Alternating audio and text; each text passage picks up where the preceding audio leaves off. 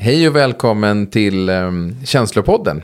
Här träffar ni uh, mig Mattias som är coach och Marja som är terapeut. Kul att ha er här uh, igen.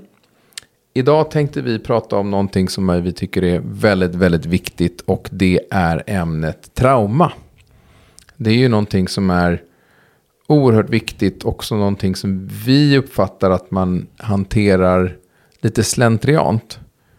Man tror att man bara har varit med om ett eh, trauma om man har varit med i krig eller någonting stort har hänt i ens liv. Och det stämmer ju till viss del. Men jag tror vi alla lever med trauma. Så hej Marja. Hej Mattias. Skulle inte du kunna hjälpa till att fylla i lite så här, vad, om vi definierar, vad är trauma för någonting och, och vem lever med trauma? De flesta av oss lever med någon typ av trauma. Trauma är händelser som vi inte har klarat att hantera i stunden. Det, den känslomässiga biten i händelsen har vi inte haft kapacitet eller stöd nog att hantera. Så det är det som vi inte har klarat att integrera i oss. Det är det som fortfarande lever sitt liv av stress eller oro eller tankar eller känslor som kommer när vi kanske minst anar det. Kan du säga några klassiska trauman som vi lever med? Dels så finns det eh, trauman från vår uppväxt som kallas för anknytningstrauma. Där vi kanske har fått för lite kärlek, uppmärksamhet och bekräftelse. Eller för mycket skäll och slag och ja, men blivit inte omhändertagna på ett sätt som vi har behövt. Och hur vet jag att det är ett trauma? Eh, du vet att det är trauma därför att du lever med en stress utifrån den här situationen. En stress som begränsar dig i livet. En stress som har gjort att du har behövt stänga av känslomässigt på ställen i dig själv. Och där stressen istället har tagit över din egen liksom, autenticitet, din egen grundpersonlighet och dina grundbehov som du har i din person som är liksom att bli emottagen känslomässigt och fysiskt på ett tryggt sätt.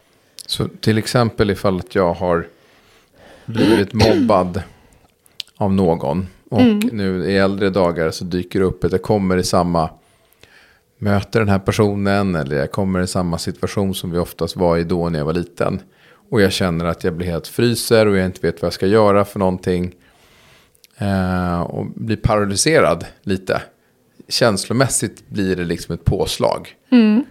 Då, ja men det här känns ju klassiskt då, men jag kan ju känna att jag får, då känner, jag blir traumatiserad eller jag blir liksom, jag känner ett otroligt obehag även fast det var länge sedan. Och jag känner att jag får ett stresspåslag mm. utifrån det här. Mm. Och, och, trauman kan ju vara som sagt liksom större eller, eller mindre. Eh, vissa som, eh, du frågade vilka olika trauman det finns, och så finns det ju chocktrauman. Som till exempel det som hände på Utöja. Där hörde jag en intervju med en tjej som hade varit med om den här skjutningen. Och hon lever ju med ett kraftigt chocktrauma. Mm. Hon är ju tvungen, hon går fort, gick då fortfarande i skolan. Hon var ju tvungen att liksom sitta på en stol väldigt nära dörren. För att hennes trauma var så kraftfullt. Så att hon hamnade konstant i chock. Mm. Och behövde springa ut. För att ta sig bort från det traumatiska som, det stresspåslaget som hon upplevde. Och där har vi ju ett typiskt starkt chocktrauma. Mm. Rädslan för det vi har varit med om som vi inte vet hur vi ska hantera. Mm. Ja, just det. Så att det var inte en terapi för henne att sitta nära då, utan det var så att det var så hon hanterade det.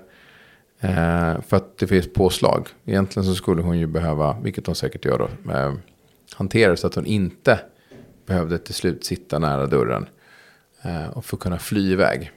Ja, hon, när behöv, kommer. Mm. hon behöver ju hitta ett sätt att börja integrera den här händelsen så att det inte det blir så kraftfullt för henne så att hon lever med den här konstanta stressen av det som har hänt. Mm. Absolut. Och sen har vi ju, som jag sa innan, liksom barndomstrauma. Mm. Um, där vi, man tittar på liksom anknytning är ju den viktigaste grunden vi har att stå på mm. för resten av livet framåt.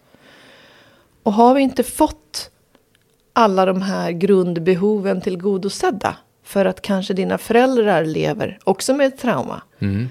Som gör att traumat i sig och stressen och smärtan fokuserar ju väldigt mycket på sig själv. Mm. Och du blir ju också på ett annat plan känslomässigt avstängd. För att stressen av traumat äter ju upp ditt fokus väldigt mycket. Mm.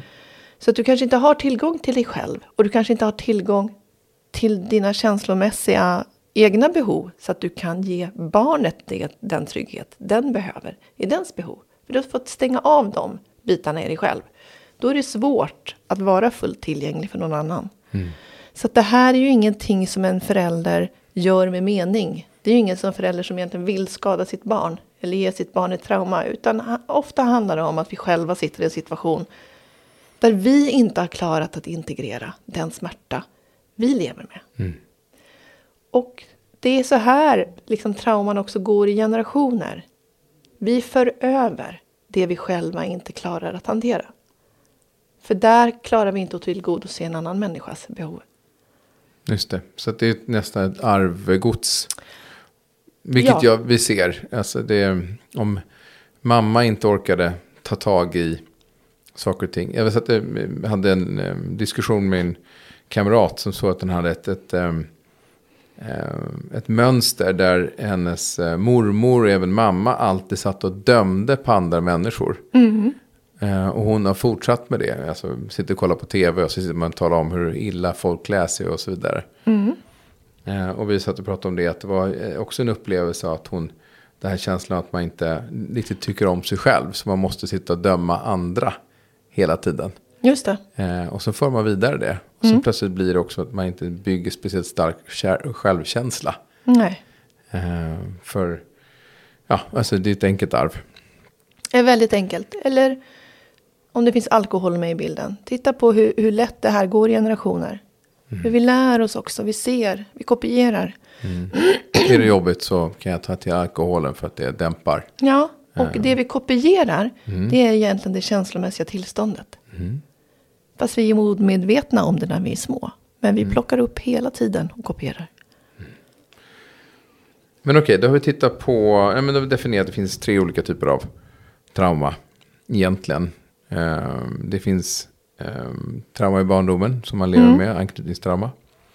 Chocktrauma som på olika sätt där du har varit med om någonting helt eh, ja, känslomässigt överladdat. Krig eller en attentat eller en olycka, någonting annat. Ja, Eh, men sen så, eh, den tredje är ju ehm, i relationen. Trauma i relationen. Relationer. Ehm, och det påverkar ju också liksom hur vi eh, låser upp varandra. Eh, mer eller mindre. I våra trauman. Ja, hur vi möts i en relation. Där blir vi ju extremt påverkade av våra trauman. Och vår inre känslomässiga situation i oss själva. Hur vi klarar att förhålla oss till oss själva. Har vi avstängda bitar och så kliva in i en intim situation. Så kommer ju det avstängda i oss bli väldigt påtagligt. Kan du förklara? Så vi känner igen oss. Ja, men till exempel så har jag levt i en relation. Det är pappan till mina barn. Han är en fantastisk människa. Eh, han har själv växt upp eh, och blivit traumatiserad. Och genom att över, försöka överleva i, i sin egen situation så har han... Hans strategi har varit att stänga av, stänga ner sig själv. Att inte känna, att inte vara i kontakt med sina känslor. Så har ju han kommit undan det som egentligen gör för ont i honom. Som han inte vet hur han ska hantera. Och då har han ju egentligen separerat från sig själv. Från relationen till sig själv. För det är ju i honom det gör ont. Och när det blir för svårt att hantera så är ju att stänga av en väldigt effektivt sätt. För att slippa. och sen så klev han in i en relation med mig. Eh, och jag har ju då känt att jag inte har kunnat anknyta till honom. För att han har inte varit där känslomässigt och mött upp. Så det har ju varit otroligt frustrerande för mig. Och hur mycket han än har velat så har han inte förstått. För att han har själv inte varit i kontakt. Sen har han, nu jobbar han jättemycket med det här och tar sig verkligen framåt. Ser en fantastisk utveckling och en stark vilja för att han också har läst och liksom förstår de här bitarna. Mm. Och här är ju också, det är därför vi gör det här avsnittet. För att får vi förståelsen så är ju det en väg framåt. Men i relationer finns det ju massa sätt som trauman visar sig. Vi kan ju vara djupt sårade i grunden. Så Mm. sårade så att det här sårade har blivit ett trauma. Av att vi aldrig har fått den uppmärksamhet vi behöver. Vad är det du kommer söka hos din partner då? För att läka det här smärtan som du i grunden lever med. Det är ju konstant uppmärksamhet. Mm. Och om du inte får det av din partner så blir ju smärtan ännu mer påtaglig. Mm. För det är det du letar efter. Och bli liksom mött och uppskattad och sedd. Det är ju det jag egentligen hade behövt när jag var liten. Mm. Men det här såret, eller det här traumat lever ju kvar. Och vi vill ju i grunden bli hela och autentiska. Det är ju våran grundönskan. Mm.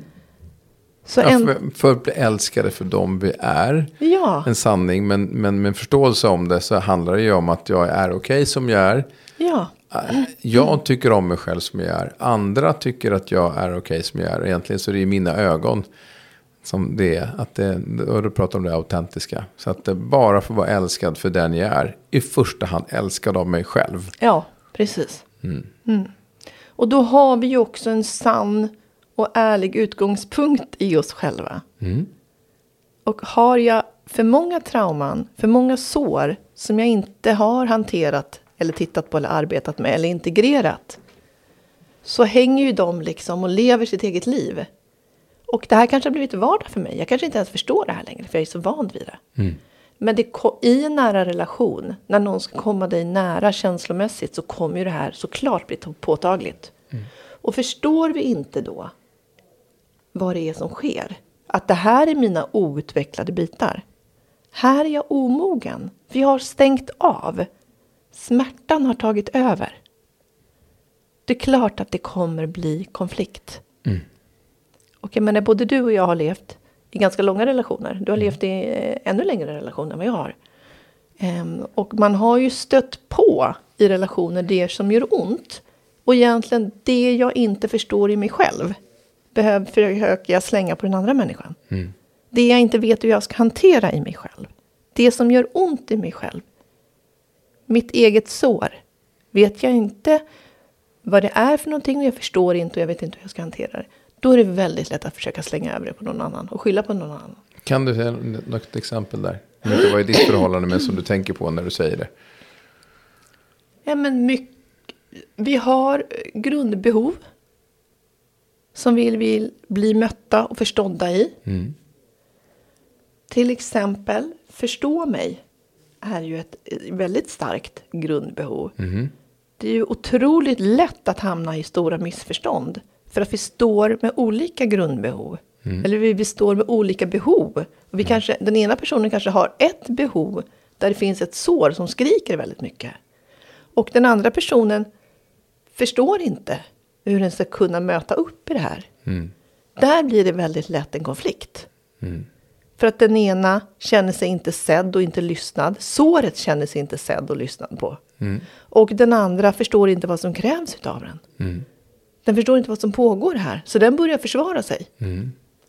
mot den här attacken eller den här kommunikationen som den inte känner är rimlig på något sätt. Mm. Där drar väldigt lätt en konflikt igång. Och jag tänker, det här känner vi säkert många igen i våra relationer. Att det ligger saker, missförstånd, konflikter. Som vi aldrig riktigt klarar att sätta fingret på. För att vi förstår inte ens riktigt själva vad det är som pågår i oss. Men hur tar man sig därifrån då? Om jag nu uppmärksammar att eh, du attackerar mig eh, för saker och ting. Eh, och så känner jag så här, ja men jag tycker att jag har gjort rätt. Alltså jag tycker verkligen det. Jag hör egentligen inte vad du säger för någonting. För jag vet inte vad det är för någonting du saknar. Nej. Och du skriker på mig för att du vet heller inte vad du saknar för någonting. Men du märker att det gör ont hos dig. Så du projicerar på mig. I den här situationen så är det ganska... Men, en vanligt är att jag trycker dig tillbaka. För att jag känner mig hotad nu. Så att då så försöker jag ju ta reda på vad är det, sånting, vad är det som kan göra riktigt ont hos dig. Då trycker jag till med det. Ja, då trycker jag till dig. För Mm. att jag vill ju få stopp på det. För jag fattar ju inte det här. Det är ganska obehagligt att bli attackerad av Mm. dig. Hur ska jag göra istället? När jag står här och blir påtryckt för du skriker efter hjälp gör du egentligen. Ja, Men vad Mm. ska jag, hur ska jag eh, mo- motta dig? Hur ska jag liksom kommunicera med dig? om jag har, antingen så känner jag mig bara attackerad och tycker att den där andra Nej, människan, du gick på mig. jag är på dig som tusan. Vad ska jag göra? Du behöver börja förstå att det är ett behov som skriker.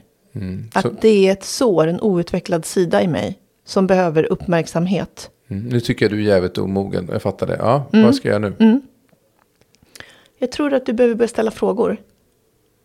Från en plats i dig själv där du inte gör dig liten och hjälplös. Där jag inte gör mig lite hjälplös. Det Ja. är inte synd om mig. Nej, Jag har, jag, har inte, mm, eh, jag har inte sympati för dig, jag har empati för dig. exakt. För att det är väldigt lätt att känna sig förvirrad, liten och hjälplös när någon annan blir så förbannad på en också. Mm, absolut. ja, det har man ju varit. Det har jag varit några gånger. I alla relationer, inte minst med min dotter. Ja. Ja. Att någonstans, varför den här personen också lägger ut den här ilskan och smärtan på dig. Det är ju säkerligen också för att den ser att här kanske det finns en möjlighet för mig att läka någonting. Här finns det ett förtroende. Men jag vet inte hur jag ska kommunicera det här på ett moget och vuxet sätt. För jag är outvecklad och omogen i just det här. Och, och i det här fallet då, som vi då tar en övning, så då tänker jag så här, eh, Maria, jag ser att du är frustrerad och arg. Eh, det är någonting här som du inte får ut riktigt. Ja, Eh, vad, hur kan du säga det med andra ord? Vad är det din ilska? Hur skulle du kunna säga det på ett annat sätt? Då skulle jag kanske kunna säga, om jag på en gång när jag känner att du kommer från en varm plats och inte från en dömande plats. Då kanske du också låser upp i någonting i mig som gör att jag vågar börja bli ärlig. För jag känner att du är villig att ta emot mig. Mm, Så det här handlar om att jag försöker inte ta mig till den sympatiska situationen och jag ska inte känna mig attackerad och komma från ett, jag bara repeterar nu, från, från ett ställe där jag känner det är lite synd om mig faktiskt att du står och skriker på mig här. Utan jag ska istället tänka, försöka komma från ett varmare ställe, ett, ett, ett, ett ställe där jag säger jag bryr mig om dig. Jag hör att du ropar på hjälp. Ja, Jag hör att du inte vet hur du ska kommunicera det här för att det gör så pass ont i dig. Finns det någonting jag kan göra för dig här? här skulle jag ju kontra med, du får ta din psykolog och så får du gå någon annanstans. Jag, Blir det här jobbigt för dig? Nej, nej, det är jättebra. Men hade du kontrat med den och hade suttit i mitt hem som min partner, då hade jag blivit, nu får du fan skärpa dig. Ja, men det är väldigt lätt att hamna där. Mm. Skärp dig för fan. Ta dig samman. Ring en terapeut om du behöver prata. Ja, precis. Ring någon- Poolia om du inte kan. Ja. Och någonstans så kanske du är den tryggaste relationen den här människan har. Med sannolikhet, eftersom den är i en parrelation, så vi har ju valt att leva tillsammans, så är jag det tryggaste. Ja. Och egentligen komma ihåg det då. Att jag är den tryggaste personen som den här, som ja, min fru har. Och att eh, jag måste försöka ändra mitt förhållningssätt. Och inte känna mig så dittryckt. Utan ge mig själv kraften att förflytta mig till, inte konfrontativt läge, utan ställa mig från sidan och säga så här, det är inte mig hon skriker på, utan hon skriker på en, utifrån, hon är frustrerad. Och sen försöka liksom få henne att säga det med andra ord. Så att hon kan hjälpa henne själv. Exakt. Och inte hjälpa genom att hon kastar det på mig. Ja. För att jag tänker så att det har man ju också känt att man skickar iväg en snyting till någon när man känner sig på ett dåligt ställe. Så gör man en verbal snyting till någon bara för att man vill lämna över problemet. Och det bästa sättet är ju alltid det när någon kommer tillbaka och säger så här. Jag hör att du har det Tufft. jobbigt just nu. Ja. Eh, att någon säger det. Den hjälper ju otroligt mycket. Du plockar ju bort, liksom, plocka ner din mur. Mm. Plocka ner din egen rädsla. Det finns inget att vara rädd för här egentligen. Nej. Man känner, det är ju lätt att känna sig attackerad. Och då börjar man genast vilja försvara sig. Mm. Det finns ingenting att försvara sig emot egentligen. Nej. Om vi nu tittar på, det här var ju en, en, en dialog då som vi hörde här, eller vi försökte spela upp, eh, som kändes väldigt äkta utifrån så som det känns idag. Och det här känns ju som att det ändå finns en möjlighet för oss att öppna vår dialog. Mm. Att vi kan fortsätta prata om det här när du kastade på mig och jag tyckte du var omogen. Mm. Men sen tänker jag, det finns ju andra situationer när du har levt med någon och där deras trauma bör bli för stort för dig Ja, att du inte kan hantera det här. Där den kanske bedövar det med alkohol eller på något annat sätt. Hur ska jag hantera det? För det är ju fortfarande samma typ av låsning. Hjälp, jag kommer inte ur det här. jag sitter fast. Jag vet inte hur jag ska hantera det här i mig själv. Det gör för ont. Så jag vågar inte titta på det. Då behöver du hjälp. Och jag tänker, överhuvudtaget i en relation vill jag säga att försök att ta så lite av dina trauman i relationen som möjligt. För att det är svårt att lägga för mycket på en partner. Ja, just det. ja, Oftast men- är det det man kan vara med. Men Ja. ja. ja, jag förstår. Men du säger egentligen så här att, att du behöver ha flera stycken ventiler Mm, eh, runt omkring dig. Att du måste försöka arbeta på att ha flera stycken personer. Om det är professionella personer eller om det är liksom folk runt omkring. Så att du inte lägger allt på en. Nej, för det kommer bli ohanterbart för din partner om det är stora mängder av liksom ilska, och frustration och sorg. Eh, det är inget fel att vissa saker sipprar ut i en relation. Det blir så när någon kommer nära. Men är det så att du faktiskt bär på djupa trauman här, så sök hjälp. Mm. För det finns hjälp att få. Nej, för det är väl... mm, Det, var, det tycker jag väl är det bästa rådet du har gett hittills då. Så applåd för dig då. eh, nej, men att det inte är... Att inte lägg för mycket på din partner. För att du kan ju...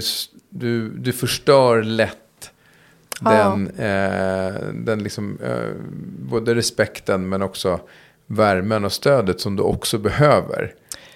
Kärleken äts ofta upp i längden om det är för mycket problematik i en relation. Då är det svårt att man måste ha en viss mängd av liksom roligt och härligt tillsammans för att en relation ska hålla och vara bra och vara värd att vara i. Ja, men det behövs ju både ett brett spektra där man kan se varandra men också ett djup. Och det har ju handlat mer om att det finns ett förtroende. Eh, att jag finns där. Bara att jag finns där för dig. Och då kan man ju inte ta för mycket aggression. Nej, det blir svårt. Nej, det kan inte vara så att man är skitluckan. Att när man öppnar dörren hemma då kan man kasta ur sig allting Nej, där. Och lassa av sig allt skit hemma. För då blir det inget, det är inget kul att bo i en soptipp. Nej, det är inget roligt att bo i en soptipp. Och jag menar, din partner, det är svårt att vara attraherad också av någon som du behandlar som en soptipp. Ja, jag tänker det. Alltså vi skulle ju kunna öppna en ny ordbok. Det känner jag. Vi är fantastiska. Nej, men lite den. Idag har vi gått igenom trauma. Tänker stänga boken lite. Eh, vi har tittat på vad är det för någonting. Är det vanligt? Ja. Kan alla eh, ha ett trauma i sin eh, i sig? Ja, med stor sannolikhet så har du ett antal trauma som är obehandlade känslor. Som där, där du tycker att det gör förbaskat ont. De behöver inte dyka på varje dag men varje jul så kommer de upp igen. Eh, till exempel, jag tror att vi har väldigt många som just har trauma runt omkring jul med förväntningar som inte blir gått uppfyllelse och känslor som inte har funnits där. Ehm, så där har vi någonting inför jul. Men ehm, så det är väl liksom vad trauma är. Sen så finns det ju en tuffare trauma som du nämnde, hon som får utöja. ehm, där, eller du har som varit i krig eller varit i, i, i, nära våld eh, som är starkt. Men sen är det också vanligt att det finns trauman i relationer, eller oftast där man stöter på dem. Att man liksom märker att den andra är omogen inom om, områden. Det är de man älskar och respekterar. Men i ett par områden så är det omoget. Ja, Och där är ju vår uppgift kanske att hjälpa varandra att mogna. Men inte genom att förstöra ens förhållande. Nej. För det var ju faktiskt därför vi var där från början. Inte för att ta hand om varandras skit. nej. Så, så verkligen, så här, bli medveten om vilken stress du lever med. Var medveten om också, okej, är det en stress som påverkar mig hela tiden? och något jag inte vet hur jag ska hantera. Utan som bara ligger på som ett stress, konstant stresspåslag. Mm. Då har du antagligen ett trauma. Och då behöver vi hantera det, hitta ett sätt att hantera det. Och så här, sök hjälp. Det är inte lätt att lösa sådana här saker själv. Men bra. Tack så mycket för idag. Tack! Tack för att du har lyssnat på Känslopodden. Vill du komma i kontakt med oss, mejla på känslopodden gmail.com.